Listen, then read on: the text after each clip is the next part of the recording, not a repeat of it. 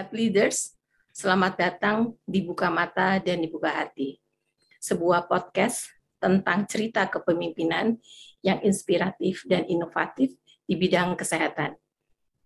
Mulai dari diri sendiri untuk aktif membangun negeri.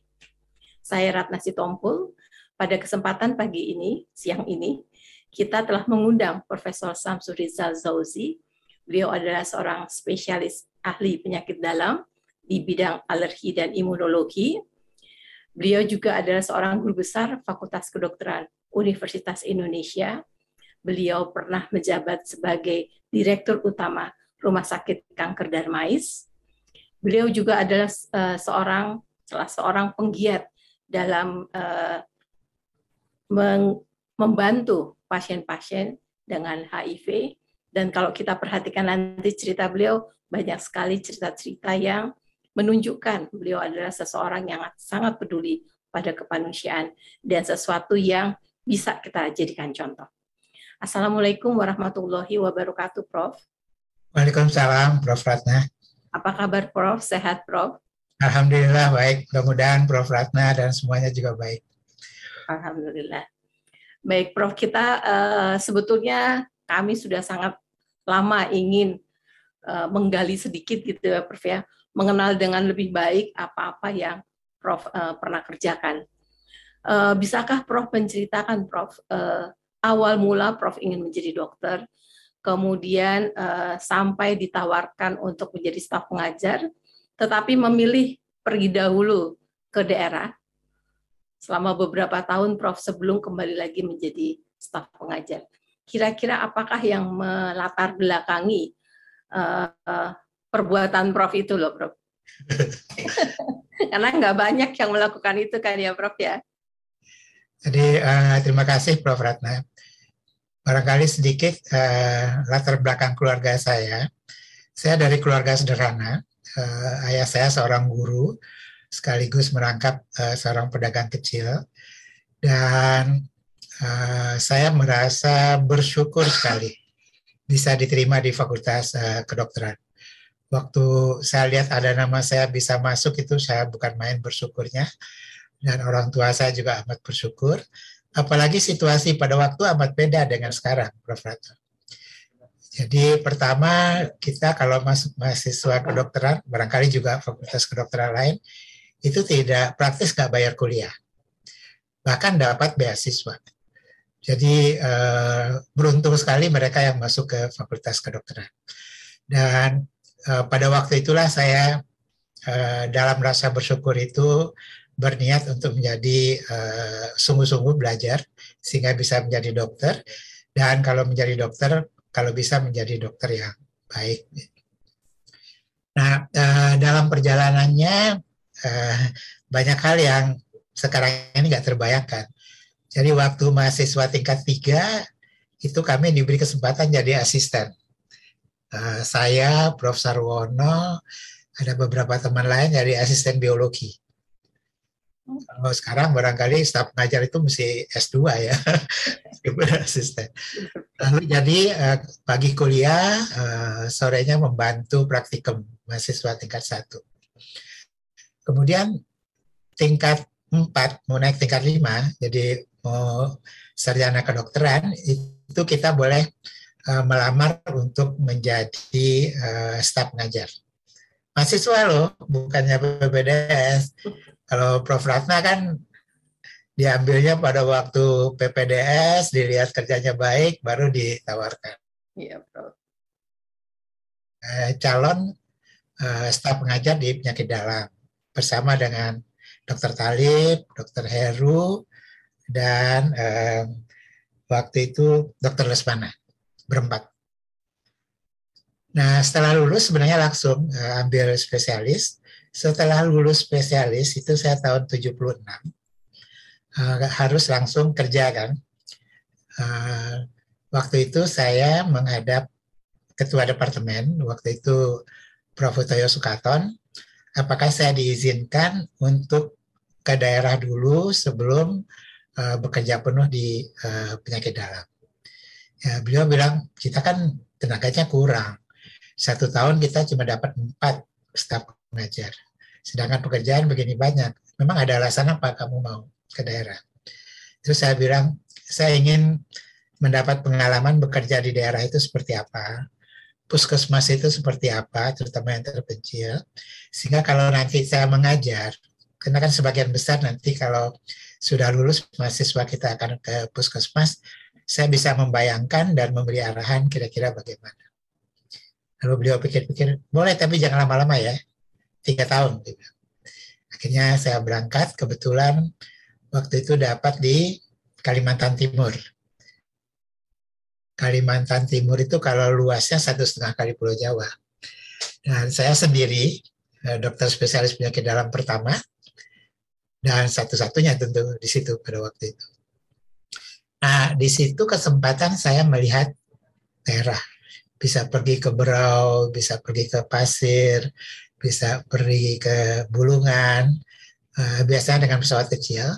Dan di situlah bertemu dengan saudara-saudara kita yang tinggal di kabupaten-kabupaten yang terpencil. Jadi kalau Prof. Ratna bayangkan namanya rumah sakit kabupaten, itu pasiennya cuma lima orang. Rumah lima orang, Prof? paling orang melahirkan atau ada anak kecil atau yang banyak adalah trauma, uh, trauma karena uh, anu kayu. Karena kan di Kalimantan Timur itu banyak sekali pohon pohon-pohon besar yang ditebang. Dan uh, perawat itu jaganya di rumah. Jadi jaga nggak di rumah sakit kalau malam. Lalu gizi juga dari rumah masing-masing. Dibawa dari rumah Prof? Ya keluarganya membawakan dari rumah Ya, tentu dengan nasihat dari dokternya nggak boleh keras, nggak boleh apa. Nah di situlah saya melihat bahwa secara teoritis sebenarnya rumah sakit kabupaten itu ya seperti puskesmas plus saja ya. Nah di Kalimantan Timur itu dokter spesialis penyakit dalamnya saya dari UI. Dokter anaknya dari UI. Dokter muslim dokter kebidaannya dari UI, dokter Dauri, dokter bedahnya dari UI, dokter Askar.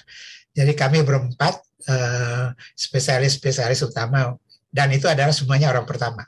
Jadi belum pernah ada spesialis sebelum itu. Dan alhamdulillah karena kamu satu tim kerjanya jadi enak begitu dan di situlah uh, saya merasa banyak belajar. Karena kalau waktu di rumah sakit Cipto kan enak kalau mau baca radiologi, torak foto, tinggal lihat hasilnya yang sudah dibacakan oleh radiolog. Mau baca sediaan hapus darah, sudah dibacakan oleh ahli patologi klinik.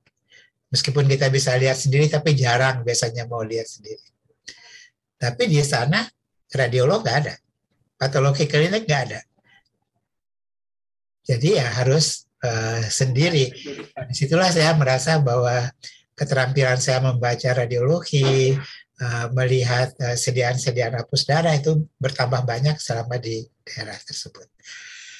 Nah, pendek kata, uh, saya merasa senang bekerja, apalagi lingkungannya memang banyak sekali teman-teman dari UI. Jadi, Prof. Ratna, kita ini nggak punya daerah. FKUI kan di Jakarta. Jadi begitu lulus nggak mungkin di Jakarta lah. Jakarta kan kota besar. Ya perginya ke Papua, ke Kalimantan Timur, Maluku. ke Aceh, Maluku, Nusa Tenggara Timur. Uh, itulah daerahnya UI. Kalau Gama mungkin Jawa Tengah, uh, Unpad mungkin Jawa Barat. Iya. Jadi uh, mudah-mudahan uh, kepeloporan kita untuk bekerja di daerah ini akan terus jangan menjadi sejarah gitu. Karena kan sekarang tidak dipak tidak diharuskan. Dulu kan ada impres tahun 74 ada impres sekarang tidak lagi. Ya Prof. Prof uh, beberapa waktu yang lalu Prof pernah mengatakan bahwa kepergian dokter itu ke berbagai daerah yang berasal dari berbagai macam itu merupakan pengerat bangsa. Ya Prof ya Prof uh, ya, bisa nggak menjelaskannya tuh maksudnya pengerat bangsa tuh bagaimana ya Prof? Jadi saya merasakan gini, uh, meskipun saya katakan tadi kalau spesialis memang banyak dari UI, tapi uh, kalau kepala dinas biasanya dari Gama atau dari Erlangga. Kemudian juga banyak dokter-dokter lain, ada yang dari Bali. Jadi kita berkumpul di situ dari berbagai macam daerah. Lalu kita bergaul. Kalimantan Timur itu sukunya Banjar yang banyak. Kemudian juga Bugis. Lalu jangan lupa saudara-saudara kita dari Dayak.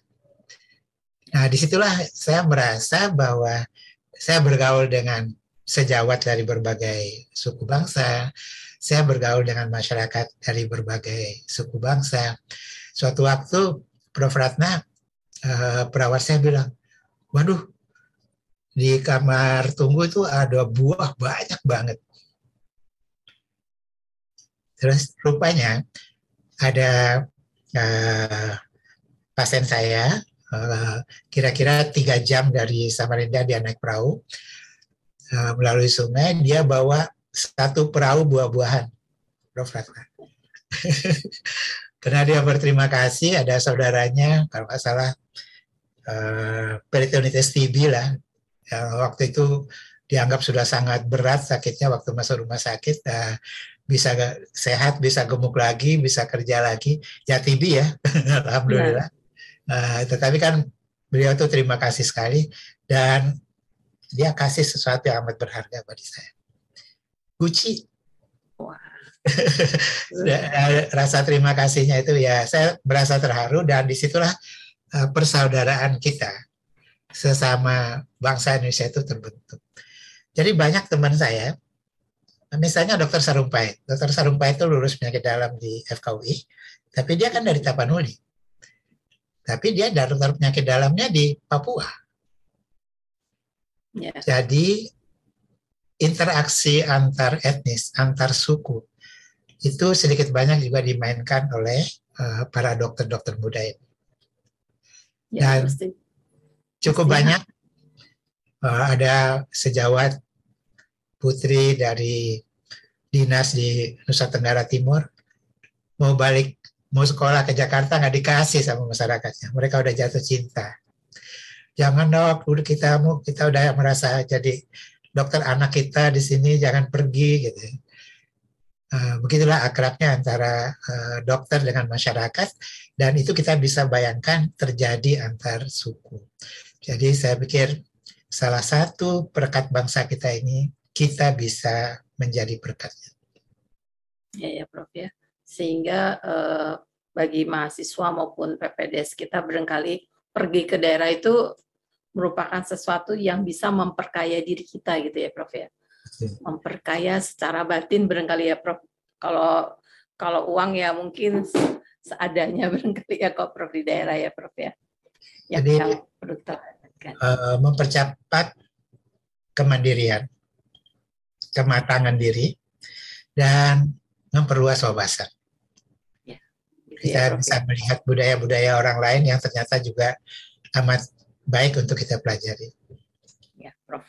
Mudah-mudahan uh, semakin banyak Prof mahasiswa uh, kita maupun mahasiswa dari Fakultas Kedokteran lain yang mau menyumbangkan satu tahun atau dua tahun dari kehidupannya ya Prof ya untuk sesama bangsa kita yang berada di daerah. Prof, uh, pertanyaan lain lagi ya Prof ya. Kami mengetahui bahwa Prof adalah salah satu pelopor yang uh, mulai melakukan banyak sekali kegiatan-kegiatan untuk uh, masyarakat maupun pasien yang terkena HIV/AIDS. Bahkan Prof juga memperjuangkan hal-hal yang mestinya bukan urusan dokter spesialis penyakit dalam gitu, Prof ya. Bisakah Prof menceritakan Prof eh, mengapa Prof mengerjakan itu dan bagaimana sekarang hasilnya, Prof? Ya, keterlibatan saya karena saya uh, mendalami alergi imunologi dan HIV itu adalah salah satu uh, penyakit uh, penurunan kekebalan tubuh. Dan waktu itu uh, Prof. Zubairi baru pulang dari Prancis. Uh, beliau juga belajar mengenai kekebalan tubuh CD4, CD8 gitu dan baru mengembangkan. Jadi kami berdua waktu itu di uh, Departemen Penyakit Dalam yang punya minat untuk HIV uh, ada hal yang barangkali uh, perlu juga disampaikan. Jadi kalau kita baca buku tentang HIV ini, laporan pertama HIV itu dianggap tahun 87 di Bali oleh sejawat kita Dr. Tuti Perwati, Prof. Perwati. Uh, sebenarnya uh, laporan pertama itu adalah di Jakarta oleh Prof. Jubairi. Itu pada awal 86. Jadi yang uh, dilaporkan oleh Prof. Tuti Perwati itu adalah wisatawan Belanda yang berwisata ke Bali, kemudian dia sakit parah, dia sudah didiagnosis di Belanda dan uh, meninggal sehingga dilaporkan uh, meninggal karena HIV. Ya karena dia sudah didiagnosis di Belanda, dianggap diagnosisnya sudah tegak. Nah, Prof. Jubairi itu melaporkan di Jakarta uh, seorang perempuan dengan infeksi oportunistik yang jelas dengan anti HIV yang positif. Tetapi pada keadaan waktu itu uh, diagnosis harus pakai pemeriksaan Western blot karena kehati-hatian ya. ya. Uh, kemudian darahnya dikirim ke Amerika, ke Walter Reed Hospital di Amerika. Nah, kemudian hasilnya itu tidak diberitakan. Sebenarnya hasilnya positif. Tidak diberitakannya kenapa ya? Ya, artinya tidak diumumkan lah. Ya, jadi sebenarnya pada masa itu Ah, kita masih merasa rasanya Indonesia nggak akan ada HIV AIDS. Ya. Jadi masih ada rasa uh, penolakan lah untuk HIV AIDS ini. Tapi sebenarnya itu positif dan untuk itu Prof. Jubairi uh, dikenang-kenangannya menulis itu. Dan itu sebenarnya diliput oleh majalah Tempo secara lumayan uh, panjang lebar ya dan sekarang uh, oleh Prof. Juberi dibuka bahwa hasilnya positif. Jadi sebenarnya laporan pertama ada di Jakarta awal 86, kasusnya Indonesia. 87 uh, laporan kasus orang wisatawan Belanda yang meninggal di Bali. Nah, pada tahun 89 86 laporan 86 87 berarti dua tahun kemudian uh, Pak Jubari dan saya mendirikan Yayasan Pelita Ilmu.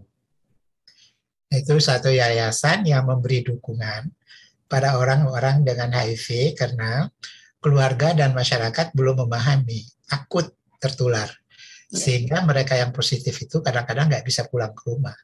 Stigma ya, Prof ya. ya stigma. Jadi uh, kami mendirikan yayasan tersebut dan salah satu kegiatannya uh, membuat namanya rumah singgah. Jadi pulang dari rumah sakit, keluarga takut menerima, singgah dulu di rumah singgah kami. Lalu dia, kami ada relawan, kebanyakan anak-anak muda dan mahasiswa, uh, mereka makan sama-sama, ngobrol sama-sama, kemudian mengundang keluarganya untuk makan bersama-sama di rumah singgah tersebut. Nah keluarga terheran-heran keluarga pasien maksudnya ya? Keluarga pasien. Loh kok uh, ini anak-anak muda berani-berani dekat sama orang dengan HIV. Nah, situlah kita jelaskan bahwa bersalaman pun tidak ada masalah asal tidak ada uh, cairan tubuh yang uh, uh, bisa tertular. Akhirnya mereka mengerti, mereka bawa pulang. Dan lumayan banyak waktu itu uh, yang singgah di sana artinya puluhan ya artinya. Jadi uh, tetapi memang ada lima terus pulang datang lagi pulang lagi sampai akhirnya suatu waktu uh, masyarakat mulai menerima bahwa HIV tidak menular secara biasa. ya. Kemudian mula-mula sekali Prof. Ratna cukup banyak mahasiswa-mahasiswa kita atau mereka yang sudah bekerja di luar negeri itu pulang karena HIV. Karena terinfeksi di sana. Nah, mereka pada tahun 97 itu obat antiretroviral sudah ada. Sebelum 97 belum ada obat antiretroviral. Orang dengan HIV apalagi kalau sudah ada gejala, sudah AIDS itu masa hidupnya antara enam bulan sampai dua tahun. Dan kalau kita di rata-rata di Indonesia itu cuma setahun, karena gizi kita pada umumnya buruk. Jadi boleh dikatakan kalau sudah kena AIDS itu akan meninggal.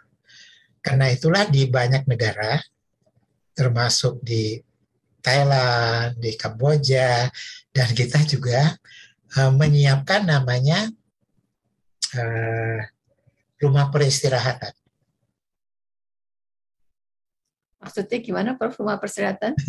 rumah peristirahatan itu adalah rumah buat orang-orang yang sudah AIDS yang akan meninggal beberapa entah enam bulan, entah setahun lagi. Ada yang tinggal dengan keluarganya, kalau keluarganya mau. Tapi kadang-kadang uh, keluarga masih takut-takut dan yang bersangkutan pun lebih suka untuk uh, tidak bersama keluarga tetapi bersama dengan teman-teman yang lain. Kami lihat itu contohnya mulai di uh, Thailand, bahkan juga waktu ada kongres di Amerika kita lihat di Amerika itu biasanya di belakang uh, rumah untuk peristirahatan itu adalah pemakaman. Siap, Bro. Nah, pelita ilmu juga membuat itu. Kami membeli tanah di Paru, membuat rumah peristirahatan, tetapi kami terlambat. Baru mau jadi rumah peristirahatannya obat ARV ditemukan. Sehingga nggak jadi rumah peristirahatan yang di Parung itu. Iya, nah, mengenai obat ARV ini ada cerita yang cukup panjang. Jadi kalau uh, orang dari terdiagnosis di luar negeri, waktu itu kalau setelah 97 sudah ada obat antiretroviral, biasanya dia minta pulang, lalu dikasih obatnya 2-3 bulan oleh dokternya. Nah kan habis, kalau habis dikirim. Nah obat kalau tidak terregistrasi di Indonesia, kalau dikirim tidak bisa keluar. Ya. Harus ada izin dari Badan POM. Karena itu obatnya tertahan di bea cukai, lalu biasanya mereka mengadu ke waktu itu sudah ada Pokdisus AIDS FKW RSTM.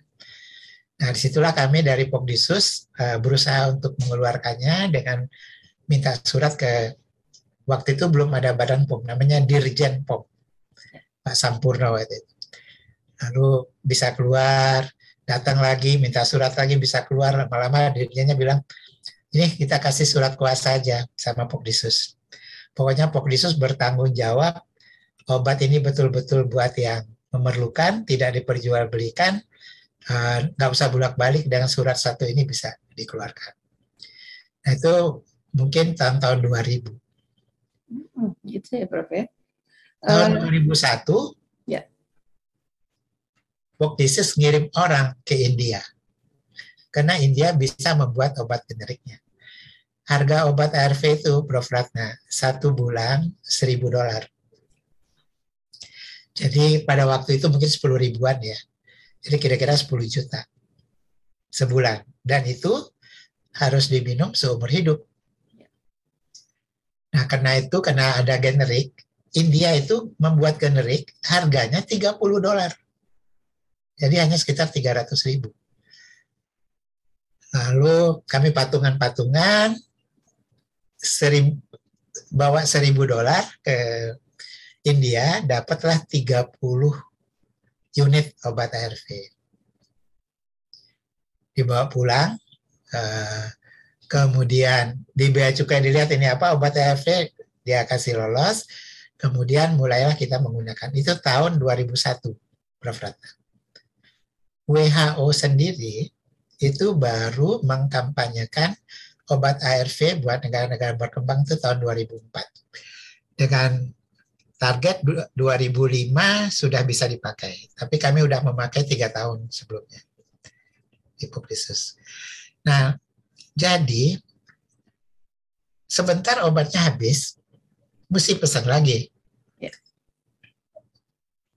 Uangnya habis, Prof. Iyalah, Prof. Itu uh, pasiennya mau membayar 300 ribu, tetapi nggak cukup karena dia harus yang di ciptonya mesti ada, yang sedang datang ada. Akhirnya kami pergi ke Indofarma supaya diimport oleh Indofarma, lalu akhirnya diambil alih oleh Indofarma, sehingga uh, bisa berjalan dengan lancar. Prof, itu cerita ini kan kalau diceritakan rasanya lancar-lancar aja ya, Prof ya. Tapi kan padahal pada padahal waktu Prof mengerjakannya bersama teman-teman lain, itu kan kendalanya pasti banyak sekali ya, Prof ya. Dan jarang-jarang eh, dokter spesialis yang mau mengurusi sampai ketersediaan obat gitu loh, Prof. Nah, itu bagaimana ceritanya ya, Prof ya? Apa yang men, apa yang memotivasi Prof? Apa yang menginspirasi dan bagaimana itu bisa terjadi gitu loh, Prof. Sebenarnya ada tantangan besar, Prof. Yaitu hak paten. Ya. Jadi eh, kalau kita eh, memproduksi atau memperdagangkan yang generik ini, ya. kalau tanpa hak paten maka produsennya bisa menuntut pemerintah Indonesia. Ya. Nah, karena itu uh, diskusinya cukup panjang, ternyata WHO ada jalan untuk itu. Sama dengan vaksin vaksin COVID-19 ini. Bahwa WHO memberi jalan buat negara-negara yang sedang berkembang. Diberi kesempatan untuk memakai obat generik, tetapi harus ada deklarasi bahwa obat itu semata-mata dipakai untuk kepentingan masyarakat. Tidak ada unsur bisnisnya. Hmm, ya, ya, Pak. Nah, karena itu tantangan yang besar adalah bagaimana keluar keputusan presiden untuk menyatakan bahwa obat ARV itu diperlukan oleh masyarakat Indonesia dan oleh pemerintah akan dibagikan secara gratis ke yang memerlukan. Nah, ngurus kepres itu yang lumayan panjang. Jadi untungnya ada beberapa hal. Waktu itu Pak Menteri Kesehatan Dr. Ahmad Suyudi, lulusan UI kan, alumni UI. Kebetulan satu angkatan sama saya. Tapi bukan berarti mentang-mentang kenal sama menteri lalu uh, tidak sesuai jalur, tetap harus lewat dirjen. Uh, untungnya Pak Sampurno, Dr. Andi Sampurno waktu itu dirjennya uh, mendukung. Kemudian yang membuat kemudian bukan Indofarma, ternyata Kimia Farma. Karena kalau dihitung-hitung itu akan rugi. Yang memerlukan pada waktu itu hanya 300 orang bagaimana produksi obat untuk 300 orang meskipun tiap bulan. Tetapi Pak Direktur utamanya Pak Gunawan Pranoto waktu itu dia bilang salah satu tugas kami sebagai BUMN adalah melayani masyarakat. Nggak apa-apa rugi dulu. Sehingga dengan dukungan beliau-beliau ini, dan saya mesti sebut ada satu teman saya, Dr. Ance, yang dari farmakologi. Beliau waktu itu ada di uh, staf di Dirjen uh, Badan POM, Dirjen POM, beliau yang bolak-balik ke Kementerian Hukum dan HAM dan ke Seknek sehingga akhirnya keluarlah tahun 2004 kepres mengenai obat ARV ini. Artinya kan Prof, Prof memiliki networking yang bagus ya Prof ya. Networking yang baik dan networking itu meletakkan kepercayaan yang sangat besar gitu Prof ya kepada eh, hal-hal uh, yang sedang Prof kerjakan. Nah, itu menurut saya membangunnya bagaimana ya, Prof ya? Uh, sebenarnya Prof Ratna saya nggak sendiri. Ada Prof Jubairi, tadi ada Dr. Ance yang dari Fakultas UI.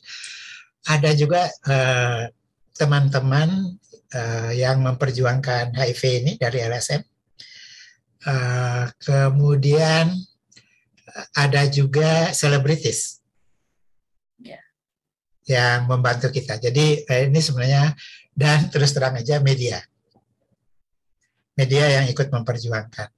Nah, semuanya kemudian membuka jalan sehingga akhirnya berhasil. Dan sekarang ini Prof. Ratna yang minum obat ARV secara teratur kira-kira 150 ribu orang. Dari 300 ya Prof ya? Berkembang sedemikian besar dan Alhamdulillah kita bisa menyediakan obat untuk mereka secara gratis seumur hidup ya Prof ya. Nah itu kan memang eh, gimana ya Prof? Itu satu perjuangan yang menurut saya jarang dikerjakan orang ya Prof ya. Sampai harus bikin kepres, harus negosiasi dengan A dan B. Pasti uh, jalannya akan sangat sulit dan banyak kendala ya Prof ya. Ya, karena uh, bersama-sama dan yang positif itu adalah uh, para pejabat yang berwenang itu kelihatannya mendukung. Ya, pejabat yang berwenang memahami permasalahan ya. kesehatan ya Prof ya.